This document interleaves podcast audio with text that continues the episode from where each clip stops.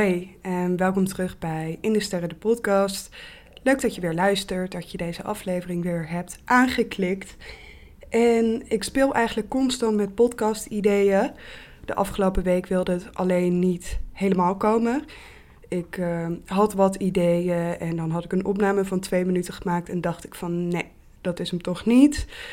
Dus ondertussen zit er alweer een dikke week tussen deze afleveringen in. Maar dan zal je zien dat juist op, uh, op dit moment, als het me een beetje te lang begint te duren, dat de ideeën uiteindelijk vanzelf weer komen.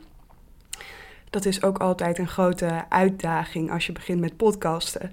Dat je natuurlijk kan denken van, joh, ik kan urenlang over mijn werk praten. Komt wel helemaal goed, maar op het moment dat je iedere week een aflevering wil opnemen, dat je ook wel eens tegen een ja, een blokkade of een writersblok aanloopt. Of denkt van ja, wat heb ik op dit moment eigenlijk te vertellen? Of dat je misschien gewoon de inspiratie niet zo voelt. Want ik kan, als ik zou willen, wel bij wijze van twee uur gaan praten over een bepaalde planeet. Daar ligt het niet aan. Maar je moet natuurlijk zelf ook een beetje enthousiast zijn. Of tenminste, dat wil ik altijd uh, heel graag. Dan denk ik van ja, ik ben niet astroloog geworden om uh, werk tegen mijn zin in te gaan doen. Of om me verveeld te voelen. Of om het idee te hebben dat ik de hele tijd alleen maar dingen moet. Dan had ik beter een ander soort baan kunnen nemen. Juist als ondernemer, als je al die vrijheid hebt, zou het gewoon zonde zijn als je dan um, niet laat leiden door wat je oprecht blij maakt. Maar goed, dat was een side note. Maar ik kwam op een onderwerp, een onderwerp dat dus vandaag uh, weer ter sprake kwam, dat dinsdag weer ter sprake was gekomen. En dat onderwerp is: wat heb je eigenlijk te bewijzen? Wat wil jij bewijzen? En hoe uitzicht dat in jouw gedrag? Nou, ik kwam hem dus deze week zelf al twee keer tegen. Ik dacht dat ik het afgelopen jaar hier al voor een heel groot deel doorheen was uh, gewerkt. En dat kan je onder, onder andere terugluisteren in mijn podcastaflevering over perfectionisme. Waarin ik het heb over hoe mijn relatie tot mijn perfectionisme is veranderd. En hoe ik een stuk milder naar mezelf toe ben geworden. En in mijn aflevering over grote blokkades, die heet Wat is jouw grootste blokkade? Heb ik het er eigenlijk voor mezelf ook al over. Vooral op het mezelf censureren of het idee hebben dat ik niks te vertellen heb en daarmee dus zelfkritisch zijn. En dan zie je van jezelf dat je erg vooruit bent gegaan, maar alsnog kan het een thema zijn dat af en toe naar voren komt in uh, je contacten met anderen. Vooral als je grote stappen gaat maken natuurlijk. Dus als je dingen aan het doen bent waarvan je denkt, jeetje, dit is wel heel wat. Ga ik dit echt doen? Kan ik dit wel? Dan denk ik soms ook dat het heel menselijk is hoor. Want ik zie mezelf dus niet meer als een overdreven zelfkritisch persoon. Maar ik ben wel iemand die zichzelf constant probeert te stretchen in wat ik kan en in wat ik wil. Dus heb ik het ene doel behaald, dan ga ik vrij snel weer door naar het volgende. En ik probeer altijd heel groot te dromen en nou ja, ook concreet na te denken over hoe ik die dromen werkelijkheid kan maken. Dus over het algemeen zal je mij niet zo heel snel uh, tegen belemmerende overtuigingen zien aanlopen rond bijvoorbeeld mijn zakelijke thema's of mijn, mijn carrièregroei. Als je tegen mij zou zeggen van, nou stel je, stel je voor Nora, over een paar jaar verdien je een miljoen. Nou, het zou voor heel veel mensen denk ik een gedachte zijn waarbij ze gelijk in het verzet schieten en denken, ja dat is toch helemaal niet reëel. En waarom zou dat mij nou overkomen? Ik heb mezelf best wel getraind of gedisciplineerd om dan gelijk juist te gaan denken: oh ja, leuk, interessant. Ik ben benieuwd hoe dat zou gaan en wat ik ermee zou kunnen. En waarom niet eigenlijk? Misschien als ik heel erg mijn best doe of als ik dit en dat doe, dat dat mogelijk zou zijn. En nu gaat deze aflevering niet over hoeveel geld ik zou kunnen verdienen met mijn werk. Ik noemde maar een voorbeeld, maar dus over die zelfkritiek en over de vraag: wat heb je te bewijzen? Die ik twee keer heb gekregen deze week. En de eerste keer was tijdens het examen dat ik dinsdag had. Ik heb in de vorige aflevering, nee, twee afleveringen terug, had ik het over examens die je kan afleggen om erkend astroloog te worden. En daarin had ik ook verteld dat ik het eerste examen bij de Nederlandse vakverenigingen al heb afgelegd. In januari heb ik dat helemaal afgesloten, dat traject. En dan word je als astroloog erkend en al op je kennis getoetst. Maar dat er nog een tweede test is. En dat is een nog veel uitgebreider examen. Daar heb je ook geen tussenposes. Dus voor het eerste examen uh, had ik gewoon een maand of weken de tijd om een opdracht te maken. En nu was het gewoon een dagdeel lang. Ik kreeg een casus, mocht die anderhalf uur voorbereiden. Daarna een gesprek waarin me de hemd van het lijf werd gevraagd. Ik moest ook heel veel aanleveren voor dat examen. Ik heb het gehaald trouwens, mocht je dat gelijk afvragen. En daar ben ik heel blij mee. Maar ik moest dus heel veel aanleveren al van tevoren. Dus onder andere een opname van een consult dat ik heb gehad met een klant. En heel veel verslagen van consulten. En een stuk over mijn visie als astroloog, et cetera. En we hadden dus, zij hadden dat van tevoren, mijn examinatoren, die hadden dat al doorgenomen en die hadden dat geluisterd. En daarna ging ze nog met mij in gesprek over de casus. En toen kreeg ik gelijk al de opmerking: je drukt het wel heel zacht uit of je bent wel heel genuanceerd. Ging het over een bepaald aspect van Pluto, dat een beetje bekend staat als, ja, als vuurwerk, als echt intens en heftig. En ik drukte dat heel zacht uit op zo'n manier van ja, mogelijk, misschien. En ik kreeg gelijk de vraag: waarom doe je dat eigenlijk? En ook waarom ik dat doe in mijn consulten. Ik ben geneigd om heel veel vragen te stellen aan mijn klanten. Dat heeft ook goede kanten, mooie kanten. Ik wil altijd heel veel weten van de ervaring van de ander en absoluut niks voor de ander gaan invullen. Maar het kan natuurlijk ook een beetje doorslaan. En af en toe moet je ook bereid zijn om wat harder te zijn, nog meer door te dringen tot de ander. Of gewoon iets heel stellig, uh, stelligs te zeggen en dan zie je wel hoe het aankomt. Dat kan ook activerend zijn, dat kan ook goed zijn om iemand even zo wakker te schudden soms. En dat is dus een van de puntjes waar ik van mezelf wat meer moeite mee heb. Ik kan het dan lastig vinden om me heel hard uit te drukken. Ik kan wat uh, te lief zijn als ik er niet op let. En verder, ja, dus dat was een deel. En daarnaast was het ook een deel dat ik de opmerking kreeg: je zit wel heel erg op je kennis hè? en op hoe kundig je bent, hoe vaardig je bent. Je bent heel exact in de details. Kreeg ik vandaag ook weer terug in een gesprek. En ja, uh, ook met astrologie ben ik heel lang bang geweest om foutjes te maken kennelijk met een soort angst in mijn hoofd dat iemand me zou corrigeren of me erop zou pakken, bij wijze van. En zou zeggen: Oh, dus jij bent geen kundige astroloog of geen goede astroloog.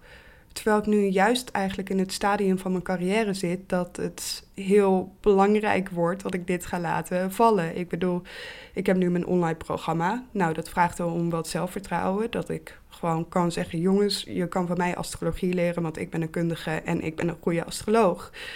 Ehm, die vakvereniging waar ik nu ben aangesloten, daar word je natuurlijk constant gespiegeld in. Heb je dit wel goed gedaan? Zit je kennis wel goed? En ik spreek dan bijvoorbeeld ook in november op een bijeenkomst van die vakvereniging. Ehm, mede over mentale gezondheid en jongeren en hoe je dat astrologisch allemaal kan duiden. Maar na dat examen, dat heel pittig was, had ik dus alweer in mijn hoofd met... oh, straks zeg ik iets verkeerd en word ik gecorrigeerd. En dan zijn mensen misschien niet vriendelijk tegen me... of ze denken, wat ben jij nou voor een astroloog?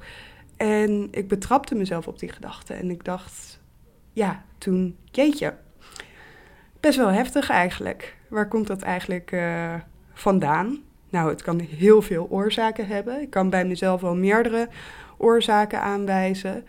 Maar ja, het is vooral iets om steeds weer bij jezelf op te merken.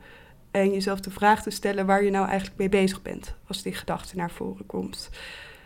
Want, nou ja, ik heb in die podcast over perfectionisme al gezegd het ding is, als je als perfectionist niks doet of je houdt jezelf op de achtergrond, zal je zien dat de mensen die het niet interesseert, die gewoon lachend fouten maken, die niet zo zorgvuldig zijn of niet zo op de stof zitten als jij, die pakken dan wel de spotlights en de shine. Terwijl misschien had jij het beter gedaan of leuker gedaan, maar houd je eigen ego en gebrek aan zelfvertrouwen je dan tegen. En ja, voor mij heeft dat, zit dat nu nog heel erg op het stuk van wat heb ik te zeggen en mag ik dit zeggen. Ik denk ook mede omdat ik heel jong ben voor het werk wat ik doe. Ik doe natuurlijk uitspraken over grote thema's, over levenswijsheden, over mentale gezondheid, persoonlijke ontwikkeling. En ik vind het ook niet gek dat het af en toe bij mij de vraag oproept van wie ben ik om dit te zeggen. Tegelijkertijd heb je er dus helemaal niks aan. Want ja, ten eerste dus als je die bewijsdrang ervaart, misschien heb jij het op een ander gebied, ga je jezelf eens afvragen waar komt die bewijsdrang vandaan? Waar is het ontstaan? Ik denk dat het bij mij ergens te maken heeft met de huidige omstandigheden. Dus dat ik gewoon heel jong ben voor het vak wat ik heb. Tegelijkertijd zie ik het ook in mijn ja, studiecarrière. Dat ik altijd sterk was gericht op hoge cijfers halen. Ik denk dat het mede te maken heeft met een lastige middelbare schooltijd hebben gehad. Ik ben een poosje drop-out geweest. Ik ben een paar keer afgezakt van niveau. Uiteindelijk is dat allemaal op zijn pootjes terechtgekomen. Maar ik heb in die tijd best wel wat te horen gekregen dat ik niet goed genoeg was of niet intelligent genoeg was. En mensen die mij een beetje kennen, die ehm, zullen zich misschien kunnen voorstellen hoe ja, vervelend voor mij dat verwijtje ben niet intelligent genoeg kan zijn. Omdat dat misschien juist een van de eigenschappen is die ik wil uitdragen. Of dat ik wil staan voor intelligente astrologie. Voor ja, spiritualiteit op een kritische, slimme manier benaderen. Ik zeg het nu maar even snel hoor, maar ik bedoel, als je mij kent, wat ik deel, dan kan je snappen dat als iemand me afwijst op mijn intelligentie, of vermeende intelligentie, want daar kom ik zo op, dat dat wel pijn doet. En dan is het gelijk zinvol om jezelf dus de vraag te stellen: is dit eigenlijk waar? Klopt het dat ik niet intelligent genoeg was? En als ik daarover nadenk, dan kan ik zeggen: nee, dat was niet waar. Ik werd gewoon verkeerd ingeschat. Ik werd niet gezien, ik zat slecht in mijn vel, ik kon ook niet presteren op dat moment en dat had helemaal niks met mijn intelligentie te maken. Nou, als je dat kan doen voor de ervaringen die voor jou bepalend waren. Ik hoor trouwens dat er heel veel herrie van buiten komt. We hebben hier enkel glas, oud Amsterdams pand. Dus ik ga even kijken of ik dat kan wegfilteren. En anders hoop ik dat je er niet te veel last van hebt. Maar als je dat kan doen voor die ervaringen die voor jou pijnlijk zijn, je, jezelf de vraag stellen: is dit wel waar geweest? Is dit wel echt zo? Of was het een misvatting? Dan kan je eigenlijk ook al tegen jezelf zeggen: hé, hey, ik ben iets aan het herhalen wat ja, wortels heeft in iets wat niet klopt, zo te zeggen. Ja, dus wat heb jij allemaal gehoord dat je bewijsdrang in stand houdt? Of wat het nog verder heeft aangewakkerd? En daarbij kan je ook kijken naar je patronen in het heden. Ik bedoel, in mijn werk zou het niet zo heel gek zijn als ik wat vaker met afwijzing of met negativiteit of met feedback te maken heb gekregen dan de gemiddelde persoon, omdat ik mezelf dus altijd zo stretch. Als ik het idee heb van, nou, dit wordt redelijk makkelijk, dan stort ik me gelijk weer in een of andere diepte. En dan krijg je ook meer met feedback en kritiek te maken. Dus ook met astrologie, als je vrij snel wat groter wordt op Instagram. En veel, heel veel mensen die lezen je berichten en wat je allemaal te zeggen hebt. En je deelt heel veel. Tuurlijk ga je meer kritiek krijgen op dat platform dan, dan iemand die 200 volgers op een privéaccount heeft. Dat is een voorbeeld. Maar ook, ik had dat examen bij die vakvereniging niet hoeven te doen. Uh, dat is niet per se nodig als je astroloog wil zijn, als je als astroloog wil werken. Maar ik wilde dat zelf graag, omdat ik dacht, zo kan ik mijn kennis weer verder verdiepen en in contact komen met mensen die me nog meer kunnen leren. Dus die kritiek en die feedback heb ik zelf ook gewoon opgezocht, omdat ik mezelf wil verbeteren. Alleen, ja, die kritiek en die feedback dus verwarren met ik heb mezelf niet bewezen of ik moet mezelf weer en weer en weer bewijzen, dan kom je in zo'n loop terecht. En dat realiseerde ik me mezelf vandaag ook. Ik bedoel, ben nu bijvoorbeeld bezig met nadenken over een, een boek of daar ligt al een concept van. Nou, natuurlijk, als ik een boek over astrologie ga schrijven op mijn leeftijd, dan kom ik in een situatie terecht waarop ik nog meer kritiek en nog meer feedback krijg. Of als ik mijn aanbod nog groter ga maken, of ehm, ja, nog intensere trajecten ga aanbieden, dan kan ik ook verwachten dat ik weer meer feedback krijg. Dus dat hoort nu eenmaal bij dat proces. Wat uiteindelijk gewoon heel waardevol is als je ook voor jezelf een standaard kan stellen. Want met perfectionisme hoeft niet per se iets mis te zijn. En met zelfkritiek hoeft ook niks mis te zijn, zolang je reëel bent en zolang je het doet om je eigen doel te bereiken. Dus als ik kijk naar mijn werk, ik vind het heel waardevol en heel belangrijk om heel goed in mijn astrologische kennis te zitten. Moet ik mezelf ook weer niet gaan, uh, gaan lopen muggenziften op dat gebied. Maar ik denk gewoon, ja, ik ben al super geïnteresseerd in psychologie en in geschiedenis. Ik heb er een studieachtergrond in. Ik wil gewoon tot de kern komen. Dan mag ik van mezelf zeggen: Oké, eh, kom op, Noor, maak deze week even die podcastaflevering. Of je bent nu veel bezig met dit onderwerp. Daar zijn een aantal boeken over geschreven. Die kunnen je super veel verder helpen op je pad. Dat is een goede manier om jezelf te verdiepen. Of ga spreken op dat congres hoe spannend je het ook vindt. Want het zal een hele leerzame ervaring zijn. En zo kan je weer mensen ontmoeten die je weer verder helpen. En train je jezelf ook. Dat is meer een lat die ik voor mezelf leg. Ik bedoel, als je geen lat voor jezelf hebt, dan kan je een beetje gemakzuchtig worden. Je mag prima ook gemakzuchtig zijn van, van mij. Of denken, ik kan een kunstje en ik blijf dat gewoon tien jaar herhalen en daar verdien ik mijn geld mee. Dat is eigenlijk allemaal top en daar heb ik helemaal niks over te zeggen. Maar het is in ieder geval niet gek om een lat voor jezelf te leggen. Alleen die lat die je voor jezelf legt is iets heel anders dan de lat van anderen. En vooral als dat een lat van anderen is die jij eigenlijk zelf hebt bedacht. Dus als ik dan zo tegen de bierkaai loop te vechten, dan ben ik eigenlijk iets aan het bestrijden wat niet bestaat. En dat kost vooral heel veel energie en moeite. En het gaat mij geen voldoening geven. En anderen eigenlijk ook niet. Of geen plezier brengen.